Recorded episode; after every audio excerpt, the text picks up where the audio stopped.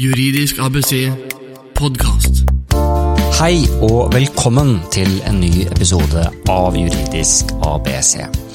Hvis dette er første gang du hører på Juridisk ABC, så skal jeg fortelle deg at dette er podkasten der vi snakker om praktiske og spennende juridiske temaer som du og jeg møter i hverdagen og i samfunnet rundt oss. Vi snakker da om praktiske temaer som arbeidsrett, eiendomsrett, familie og arv, kanskje litt selskapsrett og andre spennende temaer. Jeg som leder denne podkasten heter Eivind Arntzen, og mitt mål med Juridisk ABC er å gi deg verdifull og nyttig kunnskap som du kan ta med deg etter at du har hørt på podkasten, og bruke i hverdagen for å lettere og bedre kunne løse juridiske problemstillinger som du kommer ut for.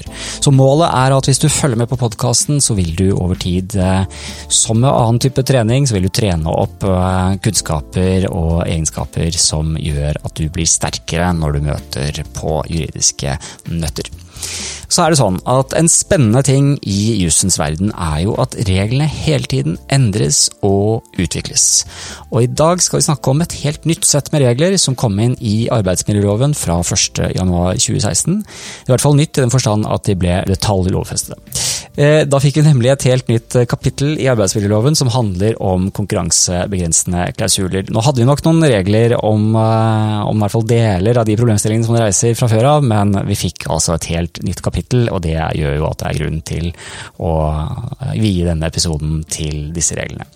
Hvis du syns at konkurransebegrensende klausuler høres veldig kjedelig ut, så kan jeg opplyse om at det er det nok ikke. Det er spennende og viktige regler som veldig mange, i hvert fall i si, mer ledende posisjoner vil møte på i arbeidsavtalene sine. Mange selgere vil også kunne møte på det. Mange som har stillinger der man har kunnskap som din nåværende arbeidsgiver er redd for at du tar med deg til en ny. Da vil konkurransebegrensende klausuler fort være noe som kan være litt jevnt i en arbeidsavtale. Syns du dette høres litt vanskelig ut, så fortvil ikke. Vi har da som vanlig fått gleden av å ha med oss en spesialist på området, og i dag er det advokat Alex Borch som er med oss. Alex jobber til daglig med både arbeidsrett, avtalerett, profesjons- og styreansvar, og har også bred erfaring innenfor andre rettsområder. Han har møterett for Høyesterett og har prosedert for det som finnes av domstoler, tingrettssaker, lagmannsrettssaker og voldgiftssaker, og også da fra Høyesterett. Og I tillegg til å være aktiv med å prosedere i retten, så er han redaktør for en ny bok om selvfølgelig konkurransebegrensende klausuler, og det er grunnen til at han er med oss her i studio i dag for å dele av sin kunnskap. Så nå er min plan veldig enkel. Nå skal jeg stille alle de dumme spørsmålene som er mulig å komme på. Jeg skal i hvert fall prøve mitt beste for det, sånn at vi får gravd oss ned i dette spennende temaet. Men nok av innledningen her nå. Velkommen hit til podkasten. Velkommen, Alex Borch. Takk. Vi skal snakke om konkurransebegrensninger i arbeidsforhold, som også er tittelen på den nye boken du er redaktør og medforfatter på. Men først, kan du bare kort introdusere hva slags problemstillinger er det som faller inn under dette med konkurransebegrensninger i arbeidsforhold? Vi har skrevet en bok som handler om, kort fortalt, de begrensninger som gjelder for en arbeidstaker til å drive virksomhet i konkurranse med sin nåværende eller tidligere arbeidsgiver. Så det favner for så vidt både hva kan du gjøre mens du er ansatt, da f.eks. på fritiden, og hva gjelder etter at du har sluttet, hvor fritt står du til å begynne hos en konkurrent, starte konkurrerende virksomhet. Hva kan avtales av begrensninger på dette området? Og Det er jo to ganske store hovedområder egentlig vi, vi, snakker om der. Hva som kan gjøres mens man er ansatt, og hva som uh, ligger av begrensninger etter uh, ansettelsesforhold, som du er inne på. Temaet i dag er uh, da hva slags begrensninger som kan legges på en arbeidstaker etter at ansettelsesforholdet er opphørt. Og der har det også kommet eh, nye lovregler som vi skal snakke litt eh, om. Eh, men veien fram til lovregulering der har jo, i hvert fall sånn som jeg har opplevd det, vært ganske lang. Og i den prosessen så vet jeg at du og kollegaene dine, Hjort, har hatt en viktig rolle. Kan du si litt om hva lovreguleringssituasjonen er nå, og hvordan man har kommet dit? Eh, helt siden 1918 så har vi hatt regler om konkurranseklausuler, og med det mener jeg også klausuler som begrenser en arbeidstakers adgang til å drive annen virksomhet etter å ha sluttet et sted. Eh, allerede i 1918 så, så man de eh, hensynene som gjør seg gjeldende her. En arbeidsgiver som har lært opp en arbeidstaker, kanskje innviet vedkommende i forretningshemmeligheter, har et behov for at ikke de hemmelighetene, kundelistene eller hva det måtte være, tas med rett over til en konkurrent i ny virksomhet. På den annen side har du hensynet til arbeidstakeren, som jo eh, vil kunne ønske å slutte et sted og begynne et annet sted. Det er jo en grunnleggende rettighet at man kan si opp et arbeidsforhold. Eh, hvis man da har store begrensninger på hva man kan gjøre etterpå, så er det uheldig. Og så har du faktisk også et samfunnsmessig hensyn, eh, kan man kalle det. Nemlig hvis det er en vid adgang til å hindre folk i å gjøre noe annet. Eh, ja, hva skal de gjøre da? Da må de i verste fall eh, gå på dagpenger, og da legges nyttig arbeidskraft øde, og det er fellesskapet som må betale for dem. Eh, dette så man altså allerede i 1918 regulerte da, etter begrenset adgangen til å avtale konkurranseklausuler, så gikk det altså nesten 100 år hvor denne bestemmelsen egentlig ikke ble endret i særlig grad. Og så fant man ut at dette bør vi kanskje se nærmere på. Og da ble det eh, gitt et oppdrag fra Arbeidsdepartementet til fire advokater i Hjort, hvor alle fire er med og skriver denne boken som nå eh, nylig er kommet. Vi eh, vurderte gjeldende rett, kom med forslag til nye bestemmelser som ble sendt på høring. Departementet eh, vurderte dette, sendte et nytt forslag på høring i 2010. Og vi trodde da nå kommer det nye regler, og så var det helt stille til 2015. Mm. Og da kom det en proposisjon til Stortinget. Normalt så man, kommer man rett i mål etter det, men det faktisk Stortinget gjorde noe så spesielt som å sende det tilbake til departementet med noen ekstra spørsmål. Men så i desember i fjor eh, ble det oppnådd en enighet, og dermed, litt i hurten og sturten i desember, ble det vedtatt nye regler som trådte i kraft fra 1.1.2016, faktisk. Mm. Så uh, viktige regler som uh, falt uh, på plass der. Det, for dette er jo et, er jo et veldig praktisk område, tenker jeg. Altså, veldig mange arbeidsforhold så er det jo slik at arbeidsgiver kan tenke at man har et behov for en beskyttelse. Og som du peker på, arbeidstakere de har jo sine sine behov og sine tanker også. Jeg må jo innrømme at jeg tenker litt i forhold til hvis man skal sammenligne med, med andre, andre, rettsområder, f.eks. For i forhold til skilsmisse, eh, så, så, vet man jo at eh, hvis eh, et par går fra hverandre, så, så, har man jo en separasjonstid som kan kanskje tilsvare en oppsigelsestid. Eh, og så blir skilsmissen endelig. Eh, men det er jo ikke noen begrensninger på hva man kan gjøre eller hva man kan si eller, eh, eller noe annet er sånn. Eller i forhold til eiendomsrett, så så har man jo man har en eiendomsrett i forhold til egen eiendom, men, men, man, man, men eiendomsretten eller de juridiske rettighetene de strekker seg jo ikke lenger enn det som er det eksisterende øh, juridiske forholdet, enten innenfor et område eller i forhold til tid. Men i forhold til ansettelsesforhold så har man da dette at etter at arbeidsgiver slutter å betale lønn, altså ansettelsesforholdet er opphørt, så har fortsatt arbeidsgiver noen rettigheter til å legge begrensninger på, på arbeidstaker. Og da må det være noen, må være noen ganske klare begrensninger i jussen her sånn, i forhold til hvor langt man kan strekke dette? Ja, jeg har ikke tenkt på parallellen til ekteskap eh, tidligere, men eh, også der kan man jo, selv om ekteskapet opphører, ha en avtale som regulerer hva man kan og, og, og ikke kan gjøre. Eh, det som jo er litt spennende spesielt når det gjelder arbeidsforhold, er at du ofte har en arbeidsgiver som tradisjonelt regnes som den sterke part, og en arbeidstaker som regnes som den svake part. Og idet du har søkt en jobb og får tilbud om ansettelse, og så sier arbeidsgiver og her er kontrakten, så for å få jobben må du signere her. Eh, og så står det et eller annet sted på side fire nederst at når, hvis du en eller annen gang slutter, så skal du i det første året eller de første seks månedene etter at du slutter, ikke kunne gjøre sånn og slik mange vil da ikke tenke på eller risikerer å ikke få jobben, og signerer da på den avtalen uten å tenke hva det egentlig innebærer. Og det, vidt, eh, og det var fremme allerede i, da avtaleloven 1918 kom, hvor man så at eh, jeg tror de brukte uttrykket 'stavnsbundet'. altså at, eh, Og arbeidstakere som ikke evner, enten ikke skjønner eller ikke tør å si fra og protestere. Så man har altså sett at det er det som begrunner at her må vi ha noen begrensninger. Avtalefriheten kan misbrukes hvis det ikke er balanse mellom, en balanse mellom partene, og det vil det jo ofte vil det være en ubalanse mellom arbeidsgiver og arbeidstaker. Bra. Og da må vi eh, fra denne litt, eh, litt springende innledningen og eh, litt nye tanker på, på, på, reglene, vi må begynne å dykke ned i hva dette egentlig dreier seg om. For vi snakker om konkurransebegrensninger, men det er da ulike former for konkurransebegrensninger.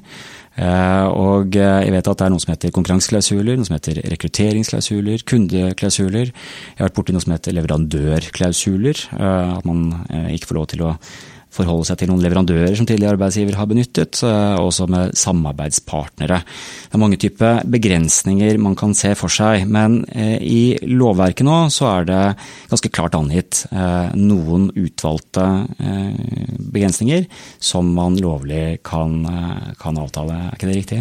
Jo.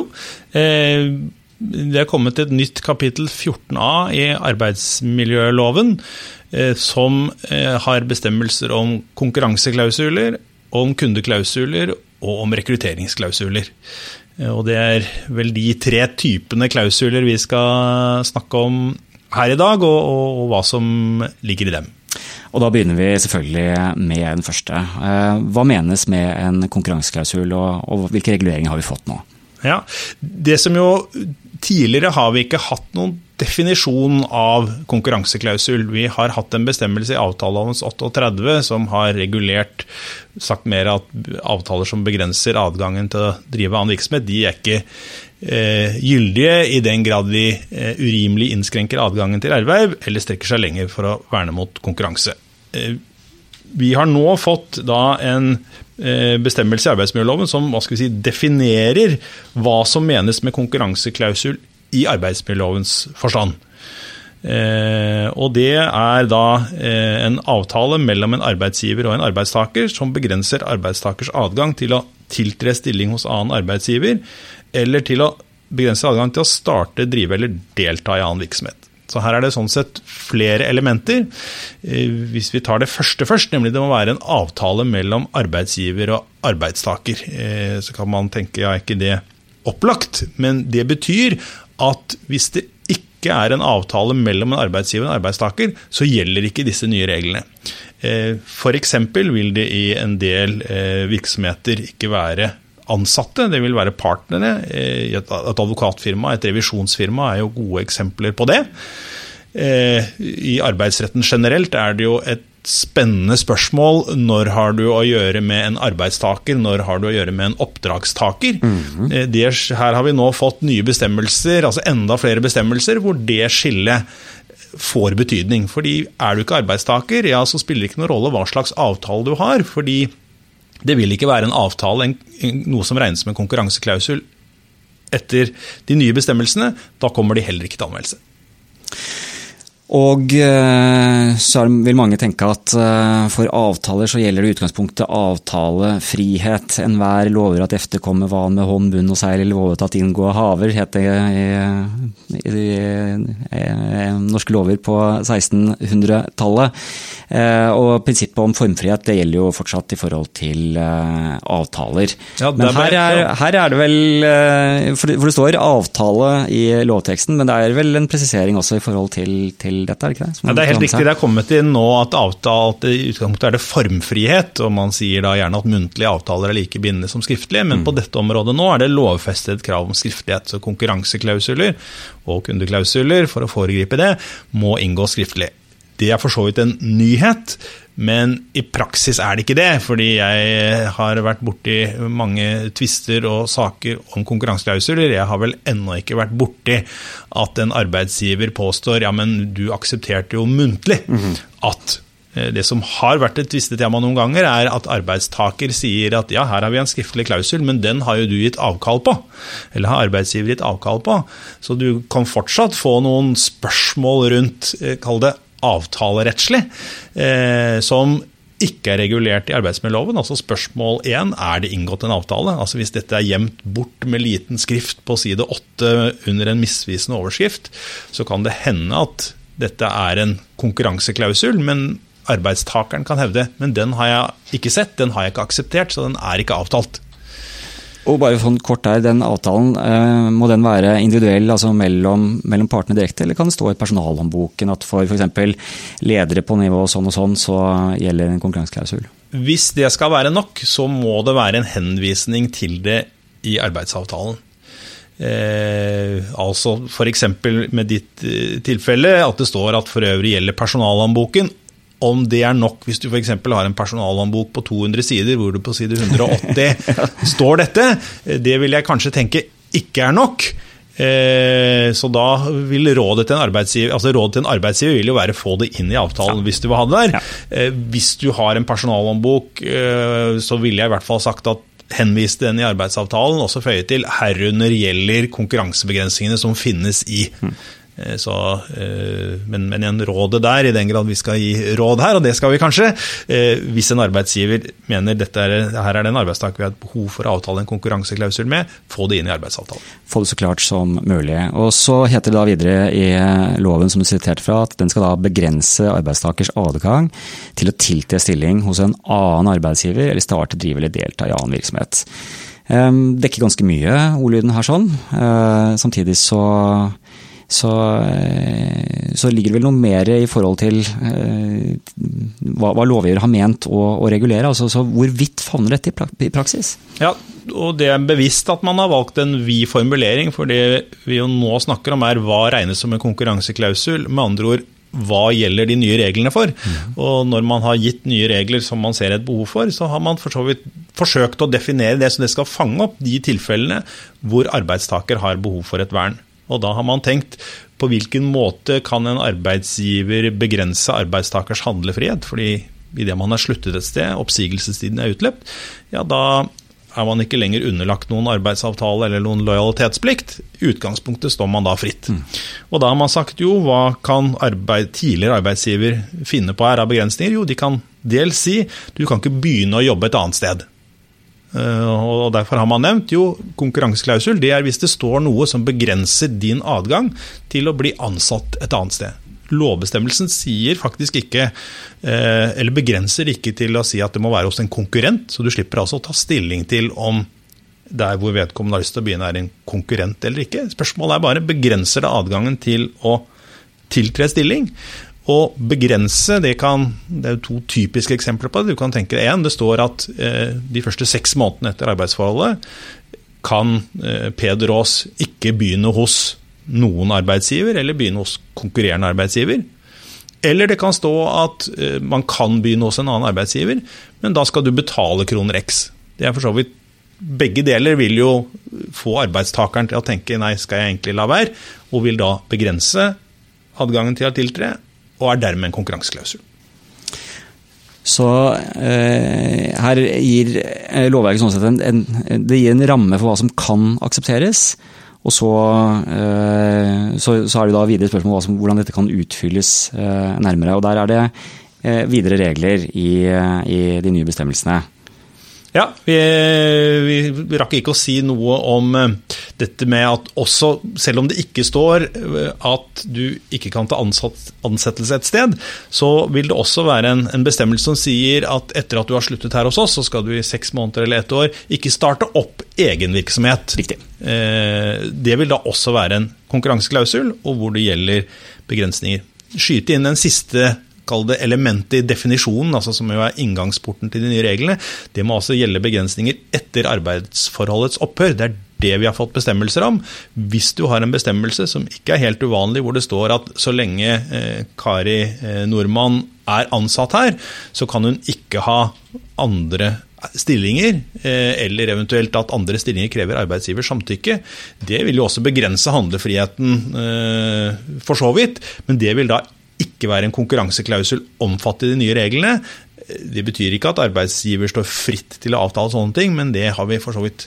Bierverv kan være en overskrift der, og det kunne sånn sett vært tema for en egen sending, så det må vi la ligge her. Bra, Alex. Da vet vi at det er noe som heter konkurranseklausuler. Vi vet litt om uh, når de kan, uh, kan uh, etter ordlyden gjelde etter ansettelsesforholds opphør. Men så har jeg forstått det slik at det er noen tilleggsvilkår i regelverket som må være oppfylt før arbeidsgiver kan legge disse begrensningene. Det må være noen, noen særlige hensyn her som, som gjør seg gjeldende. Kan du dra oss gjennom det? Ja, vi altså, må også skille mellom konkurranseklausuler som er omfattet av arbeidsmiljøet, som vi har snakket litt om òg. Er du utenfor, altså det er ikke arbeidsgiver i dag, så er det andre bestemmelser, avtale om 36 eller 38 som gjelder. Eh, det må vi la ligge. Eh, men er du hva skal vi si, innenfor, du har altså en konkurranseklausul i arbeidsforhold, da har vi fått nye regler i kapittel 14 a.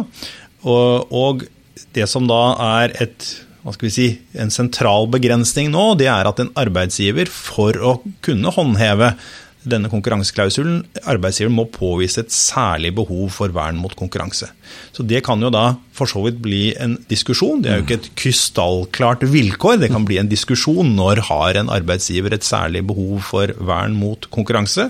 For Her er det åpenbart at det vil være eh, ulike interesser eh, ofte. Altså, jeg som arbeidsgiver eh, vil kanskje si at jeg føler at jeg har et særlig behov fordi X og Y og Z.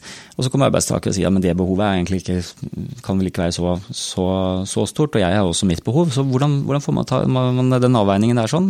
Ja, det er vanskelig å gi, si noe helt generelt, men vi kan jo kikke litt på forarbeidene til bestemmelsen, hvor de jo da har presisert eh, at det er bedriftshemmeligheter og know-how som er utviklet i virksomheten, som kan beskyttes gjennom bruk av konkurranseklausuler. Har arbeidstaker slik kunnskap, bør arbeidsgiver normalt kunne sies å ha et særlig behov for vern mot konkurranse.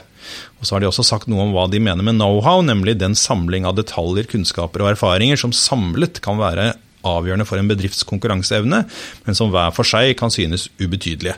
Begrepet dekker hovedsakelig området mellom bedriftshemmeligheter og allmenn viten. Så igjen sitter det noen med eh, ja, hva skal vi, Hvis vi kunne tenke oss en av de som har mikset Coca-Cola, og dermed kan den hemmelige ingrediensen i Coca-Cola, eh, der kan det jo være et behov for å si at du skal ikke begynne hos Pepsi det første året etter at du har sluttet. Her vil det for så vidt være noen bestemmelse om taushetsplikt som mm. ytterligere begrenser. Mm. Eh, la oss ta den andre ytterligheten, allmenn viten. Altså er man eh, advokat et sted, slutter der og begynner et annet sted, ja, så kan man bruke sin juridiske grunnutdanning. Mm. Og så er det et område derimellom hvor eh, f.eks. kan det være slik at eh, ja, man har gjort tester på hva, altså hvilken type kjemisk blanding som fungerer, og da har du brukt hva skal si, din allmennkunnskap om kjemi, men du har samtidig sett at du kan gjøre 100 tester, og du traff på nummer 99. Hvis du da på en måte går rett over altså, hos en ny arbeidsgiver, så går du rett på test 99. Eh, da eh, tenker jeg at da er du over på i hvert fall know-how, hvor du, hvis du ikke du til og med kaller det en bedriftshemmelighet, hvor man kan si at det bør en arbeidsgiver som altså har lønnet deg mens du har gjort disse testene, kunne beskytte seg mot. Edison hadde vel eh, jeg tror det var over 1000 forsøk før han endelig lyktes. Og det er klart at det er et godt eksempel dette med hvis man har jobbet et sted og, og gjennomført tester over, over, mange år og endelig funnet, funnet løsninger. Men da er man på de klassiske bedriftshemmelighetene. Ja da, så det, dette har en side til det òg. Eh, og ellers er det også sagt noe i forarbeidene om eh, at hvis eh, personer har, eh, ikke har en overordnet eller ledende stilling, så vil de som en generell regel ikke eh, ha hva skal vi si, den kunnskap som kan gi grunnlag for en konkurranseklausul. Så i hvert fall som en tommelfingerregel kan man si at det er arbeidstakere på et visst nivå man kan avtale dette med. Eh, er du, eh, du, er du, er du selger i en butikk, så vil du normalt ikke sitte med detaljert kunnskap om eh, markedsplaner, avanser og den type ting. Her kan det selvfølgelig tenkes unntak, men hvis vi nå skal prøve å trekke opp noen noen store linjer. Ja, men Det er jo det er veldig greit å, å, å ha den biten for, klart for seg. og er, Nå skal jeg kanskje være forsiktig med å ha for mange eh, sammenligninger til, eh, til, andre regler. Men eh, vi hadde jo en episode nylig med Nicolai Skarning hvor vi snakket om eh, særlig, og, eh, særlig og ledende stillinger. Eh, og Da snakket vi en del om dette med, med ledende stillinger, hvor man jo har særlige regler i forhold til arbeidstidsbestemmelsen i kapittel 10. Eh, og det kan kanskje være noe flere likhetspunkter der, i forhold til at eh, ansettelsesavtaler som inneholder unntak fra arbeidstidsbestemmelser, vil kanskje også oftere inneholde bestemmelser i forhold til konkurranseklausuler, tenker jeg. Ja, ikke, man kunne jo i teorien hva skal vi si, anvendt samme bestemmelse, eller at det er bare med arbeidstakere som ikke er omfattet av eh, arbeidstidsbestemmelsen i kapittel 10 som det kan avtales konkurranseklausuler med. Det har man ikke valgt å gjøre. Så dette ikke, blir ikke mer enn et feiledende synspunkt. Mm. At hvis du ikke har en ledende eller særlig uavhengig stilling, eh, så skal det mer til for at eh, arbeidsgiver har et særlig behov for å avtale, eh, avtale en konkurranseklausul. Det viktige her tenker jeg er eh, hvis man jobber med altså Man har personalansvar, man har ansvar for arbeidsavtalene i virksomheten. Eh, mange bruker veldig sånn type standardiserte arbeidsavtaler. og Mitt poeng litt underliggende her er at man må være bevisst at for en god del eh, ansettelsesforhold så, så, må det være litt skreddersøm. Man, man, må tilpasse det i forhold til stillingen. For det er eh, forskjellige muligheter for lovregulering eh, på forskjellige nivå i virksomheten. Eh, og det er begrensninger i lovverket. sånn at eh, litt for å, litt, litt, litt for å markedsføre Det er jo arbeidsrettsadvokater som jobber med dette. det er klart at er, Her er det jo en, en, grunn til tenker jeg, å ikke bare bruke de standard avtalene. For, eh, for, vi får stadig nye lovreguleringer inn som, eh, som, gjør at man får et skille på arbeidstakerne med tanke på, på eh, både arbeidsgiver og arbeidstakers rettigheter og plikter i, i forhold til eh, mange områder. Det som i hvert fall må være et råd, er at hvis man har en mal for en arbeidsavtale som i prinsippet brukes overfor alle, så bør den ikke inneholde en konkurranseklausul hvis den da brukes overfor alle nivåer. For da vil du eh, få fange opp eh, Eller den vil da omfatte altfor mange, og mange som eh, det ikke er noe behov for å, ha, å, å verne mot at begynner konkurrerende virksomhet. Så dette bør være klausuler som du vurderer særskilt om skal tas inn overfor bestemte arbeidstakere. Ja, Det kan nesten bli et argument for de som da kanskje er omfattet. At man sier at dette er jo ikke en klausul som gjelder meg, den er jo bare en sånn standard de har satt inn og som, gjelder, som man forsøker å få til å gjelde for alle. Men det er litt et eh, litt, litt en litt sånn uh, faglig faglig dypdykk-sidespor her, kanskje. Eh, øh, tilbake til, til konkurranseklausulen. Er det noen flere vilkår som er oppfylt for at en klausul lovlig er inngått og kan håndheves? Eh, vi har noen som vi kan kalle bortfallsgrunner, som er praktiske. Eh, og det har noe å gjøre med hvordan arbeidsforholdet opphører. Eh, og vi har en bestemmelse som regulerer situasjonen hvor arbeidsgiver sier opp arbeidstakeren. Der er rettsreglene eh, slik, og det er for så vidt ingen nyhet, men den bestemmelsen er flyttet fra avtalelovens 38 og inn i arbeidsmiljøloven, nemlig at hvis arbeidsgiver sier opp arbeidstakeren pga. arbeidsgivers forhold, det vi typisk kaller nedbemanning, mm. ja, så er det rett og slett en konsekvens. Da kan ikke konkurranseklausuler håndheves.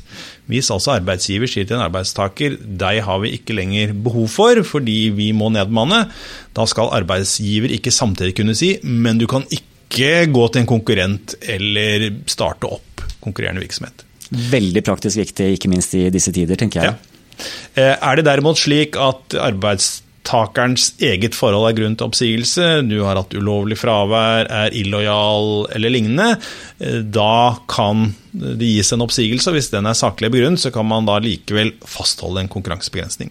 Og så har du hvor arbeidstaker selv sier opp.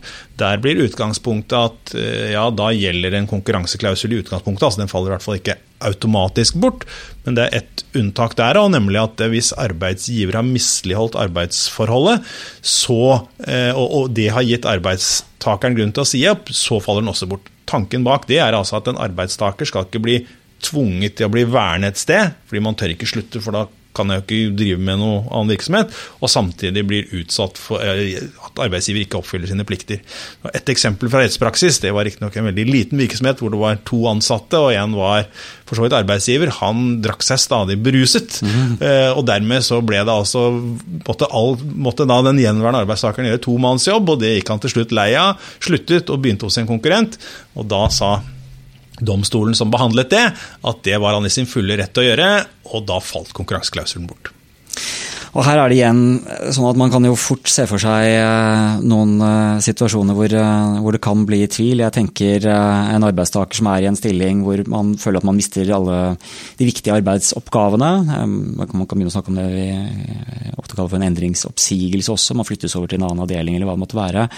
Og man opplever at som arbeidstaker så opplever man at arbeidsgiver sånn sett ikke oppfyller sin del av arbeidsavtalen. Det var ikke dette man egentlig skulle gjøre. Ehm, og så slutter man, og så er det kanskje en konkurranseklausul. Og da kan man jo begynne å diskutere om eh, det er den ene eller andre opphørsgrunnen. Ja, og det vil jeg si var et godt spørsmål, fordi man nettopp har noe som heter endringsoppsigelse eh, som man i en del sammenhenger likestiller med en oppsigelse fra arbeidsgiver. Så det kan i hvert fall argumenteres med at en arbeidstaker som utsettes for en urettmessig endringsoppsigelse, eh, kan si eh, ryk og reis, jeg sier opp, eh, og erklære meg ubundet av konkurranseklausulen. Men det er selvfølgelig en risiko knyttet til det, fordi hvis du da som arbeidstaker gjør dette, begynner som konkurrent, og så kommer tidligere arbeidsgiver etter deg og sier du har brutt konkurranseklausulen, og her er det til og med avtalt at for hvert brudd skal du betale fire månedslønner eller seks månedslønner, ja, så, kan, så, blir det jo egentlig avgjørende hva, hva forelå det en endringsoppsigelse eller ikke. og Den grensen er jo ikke helt enkel å trekke. Mm. Så det er en risiko å ta for arbeidstakeren mm.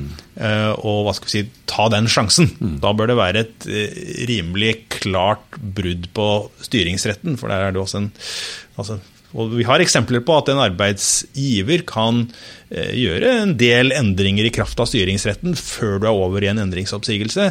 Så Det er jo noen arbeidstakere som har prøvd seg. Eh, et eksempel var en arbeidstaker som selv sa opp, hadde seks måneders oppsigelsestid. Arbeidsgiver gjorde noen endringer i oppgavene. Arbeidstaker sa dette er et vesentlig misforhold, jeg hever og går rett over hos konkurrent. Det kunne han altså ikke. Mm. Her gjaldt fortsatt oppsigelsestiden, og da var vedkommende underlagt begrensninger. Så her må man være varsom, eh, ja. i hvert fall som, som, eh, arbeidstaker. Den siste opphørsgrunnen, bare for helhetens skyld, er jo avskjed, som vi ikke har snakket om. Men eh, jeg er enig med at klausulene gjelder du, du, blir ikke premiert for underslag ved at du fritas for konkurranseklausuler? Nei, det er, det, lovbestemmelsen sier ikke noe uttrykkelig om avskjed, men i forarbeidene er det sagt uttrykkelig at er det gitt en avskjed og og den er rettmessig, ja, så kan du fortsatt håndheve eh, konkurranseklausulen. Også for advokater er man jo opptatt av de spissfindige unntakskildene. Hva hvis det gis en avskjed? Det var ikke grunnlag for avskjed, men det var grunnlag for oppsigelse. Det er det ikke løst, men der vil jeg tenke at da har det vært et saklig grunnlag for oppsigelse, så da må du kunne opprettholde konkurranseklausulen hvis de andre vilkårene er oppfylt, men dette er ikke løst. Det siste vi må ta med i forhold til konkurranseklausul, er vel eh, litt i forhold til eh, kompensasjon. Det, ja, det er bare Et tema vi tenker vi må ta kort innom før det, som er noe helt nytt. Og som eh, jeg tror mange, i hvert fall i en overgangsperiode, kommer til å brenne seg på, og da tenker jeg på arbeidsgiver, det er nemlig et krav om redegjørelse. Ja, riktig. Mm. Fordi det er kommet inn nye regler om redegjørelse. En arbeidsgiver som vil gjøre gjeldende en konkurranseklausul, må, og det er da altså nytt, sende en redegjørelse til arbeidstaker og si vi gjør klausulen gjeldende, og det er av følgende grunner. Og da skal man redegjøre for disse særlige behovene vi har snakket om. Og Konsekvensen av at arbeidsgiver ikke gir en sånn redegjørelse i tide og med det innholdet, det er rett og slett at konkurranseklausulen faller bort.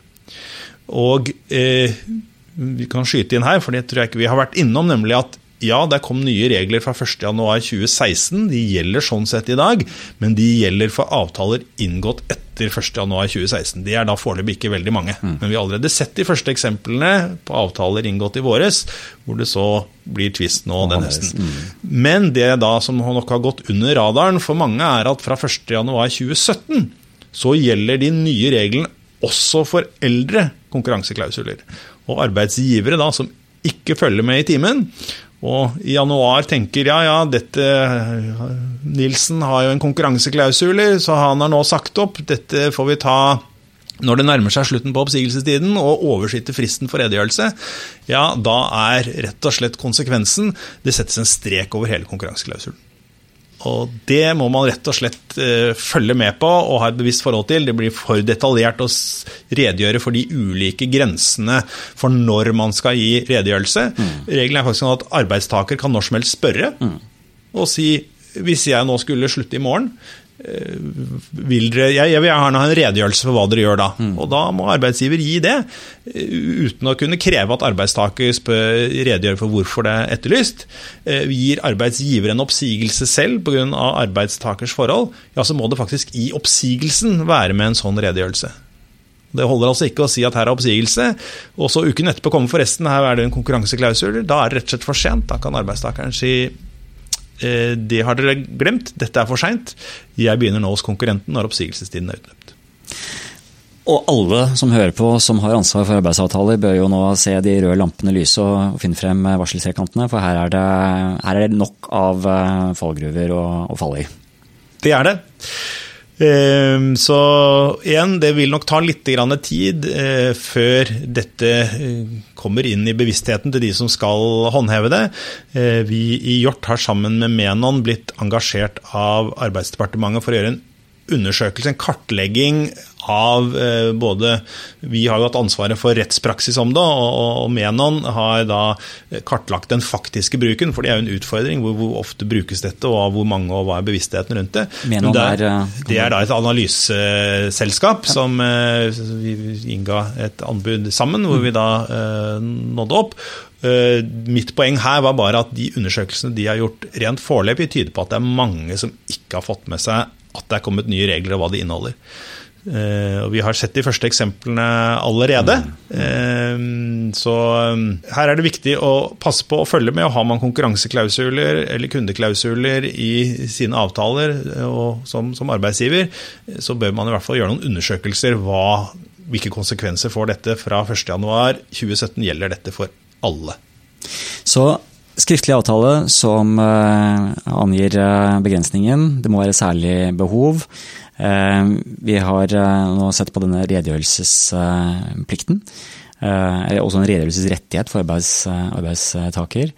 Og så mm, var jeg litt, litt raskt ute med, med, de økonomiske konsekvensene av å håndheve en, en konkurranseklausul. Ja, det er riktig. Det er kommet en uttrykkelig bestemmelse om at en arbeidsgiver som ønsker å håndheve, gjøre gjeldende en konkurranseklausul, må betale kompensasjon.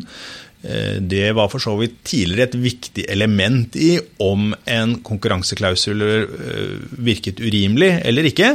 Men eh, det er mange eksempler på at konkurranseklausuler uten noen form for kompensasjon er blitt håndhevet. Det Jeg husker et altså eksempel på at lagmannsretten aksepterte tolv måneder konkurranseforbud eh, for arbeidstaker uten noen kompensasjon. og det er, ja. da, klart at da kan man fort få noen eh, utfordringer som arbeidstaker. Men nå, ja, men nå, det, nå, er det, nå, er det, nå har dere sørget for å lage fornuftige regler som inneholder bestemmelser om dette. Ja, Det kan vel kanskje være uenighet om de er fornuftige.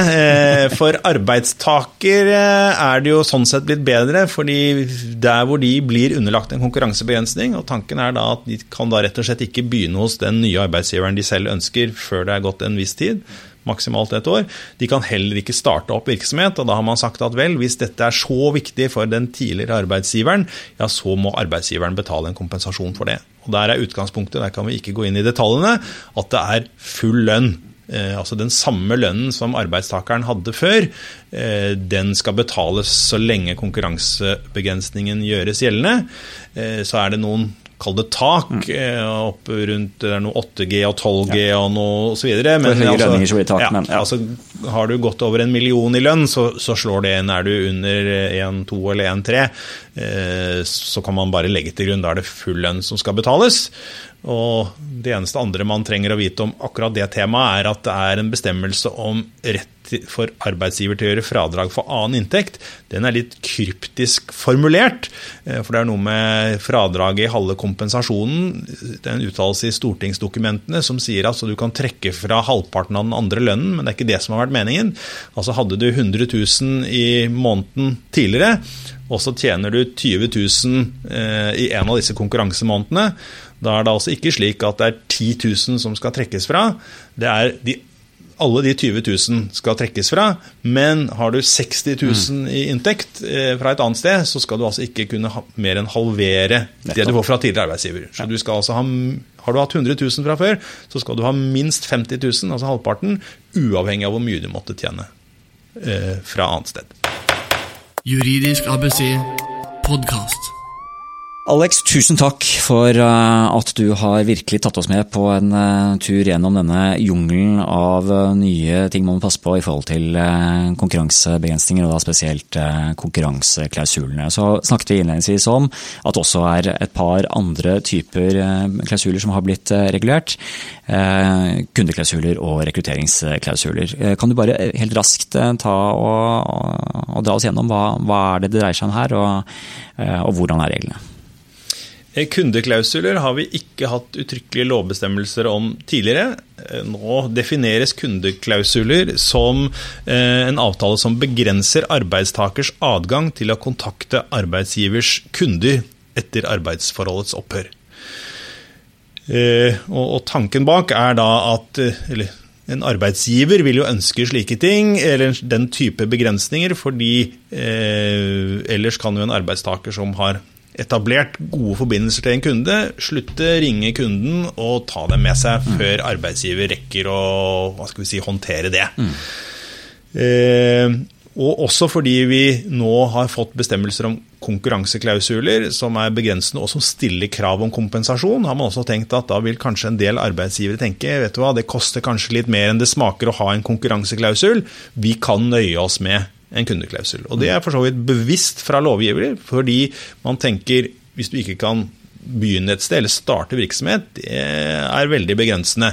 Men det at du i en periode for så vidt kan drive i den bransjen du måtte ønske, men du må ligge unna akkurat de kundene du har jobbet med tidligere, det er jo en mye si, mindre begrensning for arbeids og det står så ta kontakt, så hvis ja. kunden selv kontakter, så, så, er det greit. Så, sånn som jeg forstår regelen, så skal man ha et forbud mot uh, de som har sett filmen Jerry Maguire, hvor, uh, hvor, hvor, man kaster seg på telefonen og ringer, uh, ringer alle idrettsutøverne for å få de over. Men, men, men, det er den aktive oppsøkning av kunder som er forbudt. Ja, ikke, det er ikke det å bli kontaktet, ikke sant? Ja, det, og det er utvilsomt det departementet har ment, for det står veldig klart i forarbeidene at en arbeidsgiver kan ikke hindre en arbeidsgiver eller en tidligere arbeidstaker i å betjene kunder som selv tar kontakt.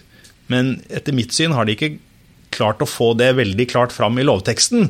Jeg tror vi foreløpig bør legge til grunn at det departementet har ment, det gjelder også. Eh, men det de jo har gjort i lovteksten, er bare å definere at jo det som er kundeklausuler, det er det som begrenser arbeidstakers arbeidstakers adgang til å ta kontakt. Da har man jo egentlig ikke sagt noe uttrykkelig om hva hvis kunden tar kontakt. Mm. Men forutsetningen har vært det skal være lov. Mm. Jeg tror vi legger det til grunn så langt. Mm. Uh, og altså uh, klausuler som da uh, sier at du kan ikke betjene kunder som selv tar kontakt. antagelig vil de ikke være bindende, så det kan en arbeidstaker se bort fra. og så kan kan det hende at det er en eller annen advokat eller en eller annen kranglete arbeidsgiver som sier at ja, men det står ikke uttrykkelig i loven, så det vil vi gjerne ha testet. Men det får da bli, Vi har jo ikke noe rettspraksis om de nye reglene. Si eh, innskrenkende. Eh, I hvert fall her er det ikke noe behov for særlig konkurranse. altså Det må fortsatt være mellom en arbeidsgiver og en arbeidstaker. Det må være skriftlig. Det må gjelde etter eh, arbeidsforholdets opphør. Så at du ikke skal kontakte kundene på fritida for å få dem med over, det følger allerede lojalitetsplikten og, og for så vidt en, en grei begrensning uansett. Ikke her noe krav om særlig vern eh, mot behov for særlig vern mot konkurranse hos arbeidsgiver. Eh, måten man hva skal vi snevrer dette inn likevel, sånn at ikke dette skal være helt ubegrenset, er for det første den kan gjelde i maks ett år. Eh, for det andre eh, så kan den ikke oppfatte alle kunder. Du har sett eksempler på det før, at en arbeidstaker kan ikke kontakte noen av arbeidsgivers mm. kunder. Mm. Nå er det altså bare kunder som arbeidstaker selv har hatt kontakt med eller hatt ansvaret for det siste året. Det er en viktig begrensning. Eh, det er selvfølgelig en viktig begrensning, fordi, men tanken bak det har jo vært at det er jo der det er en særlig stor fare for lekkasje, altså at arbeidstakeren kan bruke den kontakten, det, den relasjonen som er opparbeidet mens vedkommende fikk lønn fra den tidligere arbeidsgiveren, til å, å ta dem med seg. Så har vi for så vidt nå snakket om kunder. Du nevnte innledningsvis leverandørklausuler. Hva med andre forretningsforbindelser? Mm. Mest sannsynlig så eh, er det en friere adgang for arbeidsgiver til å legge begrensninger der. Selv om det da kan virke litt ulogisk, så har man for så vidt definert altså Man har brukt kunde, eh, ikke kunde og andre forretningsforbindelser, eller potensielle forretningsforbindelser. Så eh, her er vi nok på et område hvor lovteksten ikke er helt utførlig, og hvor det vil være nødvendig i praksis å trekke opp grensene. Hva kan man gjøre? Og det vil jo være litt rart om man for så vidt aksepterer i en viss utstrekning begrensninger i adgang til å ta kontakt til kunden. Eh, men hva med andre forretningsforbindelser, eller ja. Her er vi rett og slett på området hvor Det kan være en, at man er innenfor en bransje hvor det er eh, noen få leverandører som, eh, som eh, leverer et produkt som er veldig viktig da, for, for, denne arbeidstakeren med tanke på den nye virksomheten man starter. Ja, altså det kan, kan, være andre tidsbegrensninger man kan se for seg. Det er, det er du kan jo ha en innkjøpssjef mm. på et en råvare som det er mangler på. Mm. Eh, og hvis da vedkommende Hva skal vi si At du ikke kan legge noen begrensninger, fordi det, det er da en leverandør og ikke en kunde, og da gjelder ikke ja, Det er i hvert fall Her er det flere spørsmål som ikke er helt avklart, eh, og hva som, som gjelder. Noe må jo advokatene ha å jobbe med fremover også. Ikke sant? Eh, vi kan også skyte inn at eh, disse bestemmelsene vi snakket kort om i stad, om redegjørelse, de gjelder også for kundeklausuler. Så igjen mm. Eh, obs, Skriftlig ett år og redegjørelse. Ja, og, og, at det må være kunder som vedkommende arbeidstaker har vært i kontakt med eller hatt ansvaret for det siste året.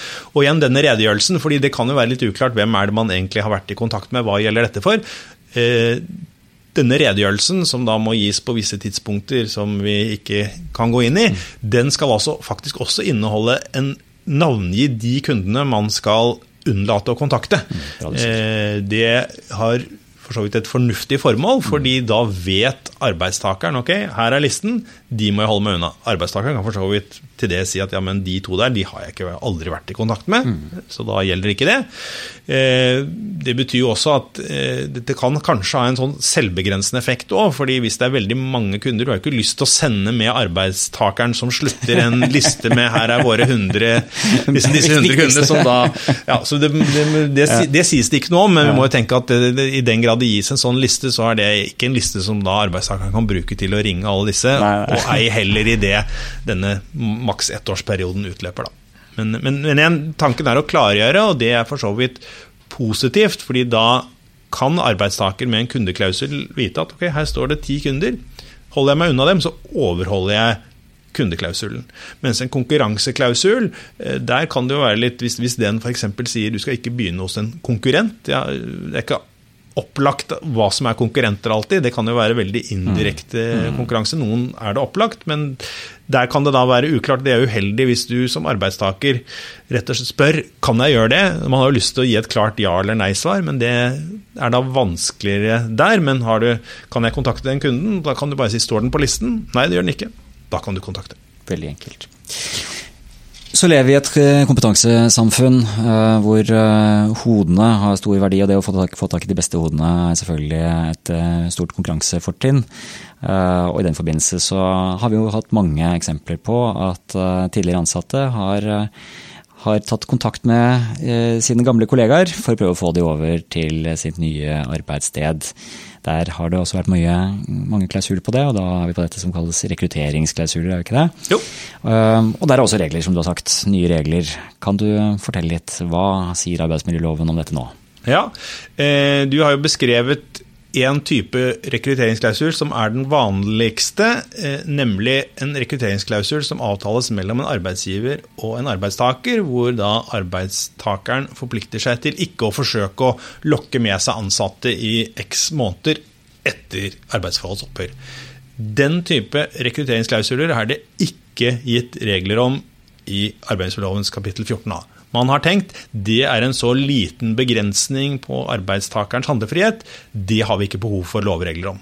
Den eneste begrensningen der er da avtale om 36, som også gjør det mulig å sette til side urimelige avtalevilkår. Eh, jeg ser ikke helt for meg at det vil være urimelig, forutsatt at det ikke blir en evigvarende periode, men altså at du i seks eller tolv måneder må la være med å rekruttere tidligere arbeidstakere aktivt, eh, det tenker jeg det blir ikke urimelig. Så dette kan man fortsette med på å bare ha i Dette kan man fortsette ja. med der hvor Jeg vil ta et lite forbehold, fordi det som ikke er helt uvanlig, er at man i denne type, og det gjelder også konkurranseklausuler og kundeklausuler, tar inn en bestemmelse som sier at hvis denne klausulen brytes, så skal arbeidstaker betale én månedslønn, tre månedslønner, mm. seks månedslønner. Mm.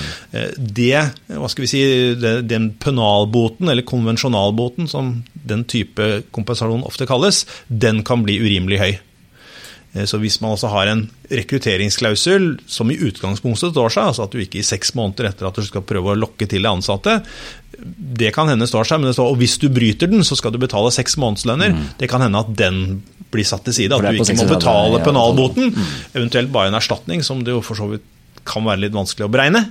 Eh, men altså, her har vi ikke nye lovregler, men vi har også en annen type rekrutteringsklausul som det er kommet nye regler om. Det er rekrutteringsklausuler avtalt mellom to virksomheter. Eh, og et praktisk eksempel er altså hvis et, et firma leier inn en vikar, så kan innleiefirma, eller si vikarfirma, kan da i sin avtale mm. med innleier si at ja, nå får dere lov å leie Peder Aas, men han er vi veldig fornøyd med, så dere kan ikke tilby ham ansettelse mm. de første seks månedene etter at oppdraget er opphørt. Er da, da, er ikke arbeidstakeren selv part i dette, og vil kanskje ikke vite om begrensningen engang. Eh, og den som har leid vedkommende inn, kan være veldig fornøyd og tenke jøss, han eller hun vi vil gjerne ansette fast. Eh, men så vil de kanskje ikke gjøre det likevel, for da må vi jo betale vikarbyrået kroner x eh, i erstatning. Eh, så da lar vi være. Man har altså tenkt at vi vil, vi vil, at folk skal kunne slutte der de er og begynne et nytt sted, hvis det er noe de to involverte partene gjør. Så dette er da i utgangspunktet forbudt. Man kan spørre hvordan vil vi klare å finne ut av det, for arbeidstakeren vil jo ikke kjenne til avtalen. Han vil bare oppleve, hvis man søker der hvor man har vært innleid, og så få avslag, så vil du ikke vite om det er fordi du ikke er ansett god nok, eller fordi det ligger en rekrutteringsklausul der et eller annet sted. Så, det må være eventuelt innleier som da eh, inngår denne avtalen først da, med vikarbyrået, ja. og så etterpå sier at ja, men forresten, den klausulen der hvor det står at vi må betale 100 000 kroner i nær sagt løsepenger for å overta, den er jo ikke gyldig. for det vi kan Nemlig. ikke sant? Så, så den vil få den effekten hvis en av de to partene for så vidt eh, gjør den kjent, eller dvs. Si protesterer mot den hvis den blir gjort gjeldende. Mm. Og så er det noen unntak der, fordi i visse tilfeller så har man tenkt ved virksomhetsoverdragelse, eller der hvor man vurderer virksomhetsoverdragelse, eh, fusjon eller lignende. Da er det et behov for å hva skal vi si, utveksle opplysninger. Passer vi sammen? Her er våre ansatte. Da får du kanskje opplysninger om akkurat hva hver og en har i lønn. Eh, da har man sagt at vet du hva, i en periode, hvis disse forhandlingene strander, eh, så skal du altså, Da har du fått så mye sensitive opplysninger, da er du på en måte ikke en normal situasjon. Da skal det være mulig å si da kan, må du la være med å rekruttere i en periode. Bra. Vi har vært gjennom eh, noen få enkle bestemmelser egentlig, men det er utrolig mye som ligger i de, både i forhold til hva som nå er regulert og ikke regulert, hva som er blitt veldig klart og hva som kanskje fortsatt er litt uh, uklart. Uh, men uh, Alex Borch, du har vært fantastisk til å nøste opp i alle disse litt sånn løse trådene. Jeg syns det har vært kjempenyttig, selv om jeg jobber med dette, så er det klart at det å få en gjennomgang fra deg, som er Eh, etter mitt syn også eh, norgesmester i konkurransebegrensende klausuler. Eh, det har vært fantastisk. Før vi avslutter i dag, Alex, vil jeg veldig gjerne at du tar og oppsummerer med liksom, et par korte setninger, hva er, det, hva, er dine kjepphester nå, når vi sitter her sånn, eh, høsten 2016? Eh, vi står midt oppi at, eh, som du har vært inne på, altså, reglene er kommet inn i loven, det er noen overgangsregler. Det er mye å passe på. Jeg snakket om disse varselstrekantene som bør settes ut. Hva er det arbeidsgivere skal tenke på når denne episoden er over, og hva er det de bør gjøre for å sørge for at de både bruker mulighetene som ligger i de nye reglene, men også unngår å trå feil? Eh, det opplagte rådet er jo til arbeidsgivere som ikke har satt seg inn i de nye reglene og gjort en gjennomgang av hva som eh, bør gjøres fra 1.1.2017. De bør snarest foreta en slik gjennomgang. Ellers så risikerer man at klausuler som det faktisk kan være et reelt behov for, ikke lar seg håndheve. Eh, det er det klareste rådet eh, jeg kan gi. Eh, og ellers så blir det veldig detaljert. Ja. For, også, jeg syns jo dette er et spennende tema som jeg har jobbet med lenge, så jeg kunne pratet mye om mangt og, og, om dette. Og eh, Ellers har jo du allerede nevnt den uh, boken vi, vi, har skrevet, som er et samarbeidsprosjekt mellom flere av oss, som har gått over uh, mange år, helt siden 2008, da vi skrev en betenkning om temaet. tenkte vi hvis dette blir nye lovbestemmelser, så må vi skrive bok om det. Og den timingen er jo for så vidt eh, faller jo sammen med ikrafttredelsen av de, de, nye reglene. Så der er det svar på eh, både det vi nå har snakket om, om disse klausulene, og om eh, andre temaer, hva som gjelder under arbeidsforholdet. Hva du kan eh, både som, som, arbeidsgiver gjøre gjeldende av sanksjoner. Når kan du kreve erstatning, når kan du kreve midlertidig forføyning. Eh, og samtidig som arbeidstaker, eh, når kan du faktisk begynne å, hos en konkurrent? Når kan du kontakte en kunde eller bistå en kunde? Eh, de nye reglene klargjør en del ting, og det har jo også vært formålet. Og det har de eh, lovgiver til en viss grad fått til. Men idet du kommer med nye bestemmelser og stiller nye krav, så er det samtidig nå kommet en del nye bestemmelser som du ikke har noe praksis rundt, ikke noe erfaring rundt. Så det er mulig at formålet vil bli nådd om en stund, men vi har nok nå en periode før ting faller på plass og folk eh, blir enige om hvordan de ulike vilkårene skal forstås, hvor det vil være litt mer uklarhet igjen. Men det får vi gjøre det beste ut av. Så her er det et par klare alternativer. Det ene er eh, å nå gå ut og skaffe seg boken 'Konkurransebegrensninger i arbeidsforhold' av Alex Borch og kollegaene i Hjort.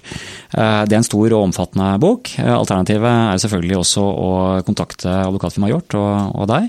Eh, det er vel et eh, kort Google-søk, så finner man fram. Og vi kommer også til å legge inn lenke til, eh, til deg på juridiskabc.no. Vi legger ut en, en, liten side for hver episode, så der vil du også få tilgang til kontaktinformasjon.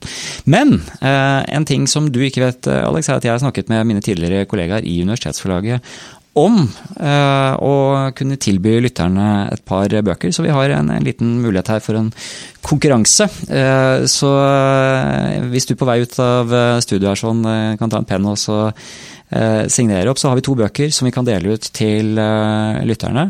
Jeg tenkte å bare gjøre det utrolig enkelt. Du som hører på nå, hvis du vil ha boken Eh, konkurransebegrensninger i arbeidsforhold, så tar du et bilde av eh, deg selv som hører på podkasten akkurat nå. Eh, sender den til post at juridiskabc.no. Og nå lar vi den konkurransen være åpen frem til 1.12. Og da kårer vi en vinner som får en signert bok i posten til jul. Så da er det bare å finne frem kamera på mobilen hvis du hører på podkasten på mobil nå. Siste rådet er jo da igjen ta eventuelt kontakt med Alex Borch og eh, teamet. Tusen takk for at du var med oss i dag, Alex Borch. Det var en stor glede å ha deg her. Selv takk. Du hører Juridisk ABC podkast. Det var dagens podkast, og takk for at du var med helt til slutten. Takk også igjen til Alec Poik og de andre forfatterne av boken, som da kan vinne med å ta et lite bilde av deg selv og sende til post at juridiskavc.no. Du kan selvfølgelig også sende andre mailer til oss på den adressen, f.eks. å be om et spesielt tema, eller komme med innspill i forhold til hva du syns vi bør ha mer eller mindre fokus på her på Juridisk ABC. Flere av de episodene vi har publisert tidligere, har vært et direkte resultat av at jeg har fått mailer med noen som har skrevet inn og sagt at jeg vil ha en episode om X. Og hører da gjerne fra deg hvis du har noen tanker om det. Og helt til sist så er det en ting som jeg gjerne maser litt om, og det er fordi det er utrolig viktig for podkastens videre liv, i hvert fall i iTunes. Det er å ta en tur inn på iTunes, logge inn og legge inn de stjernene du mener at de fortjener, og en liten vurdering. Det gjør mye for synligheten vår, og det gjør mye for at de som leter rundt etter en spennende podkast, kan finne ut av om Juridisk ABC er for dem eller ikke. Så er du glad i podkasten, så støtt oss gjerne med å gjøre det, og så regner jeg med at du også har trykket på abonner-knappen, sånn at du får neste episode av podkasten direkte til din telefon eller PC, Mac, hva du måtte bruke. Det er jo sånn at det kommer litt ujevne utgivelser av de episodene her sånn. Jeg hadde opprinnelig et mål om å lage en i uken, det viste seg å være helt urealistisk. Jeg prøver i hvert fall å få ut en i en hver måned, men noen ganger så er det høyere produksjon, og andre ganger tar det litt lengre tid. Det er fordi dette er et sideprosjekt. Men for at podkasten skal bli best mulig, bruke den tiden som trengs for å få produsert episodene, og da er det også viktig at du får de levert direkte til deg så fort en ny episode er på lufta. Så trykk på abonner-knappen nå, og så håper jeg at du da er klar til å lytte neste episode, som forhåpentligvis kommer om ikke så altfor lenge.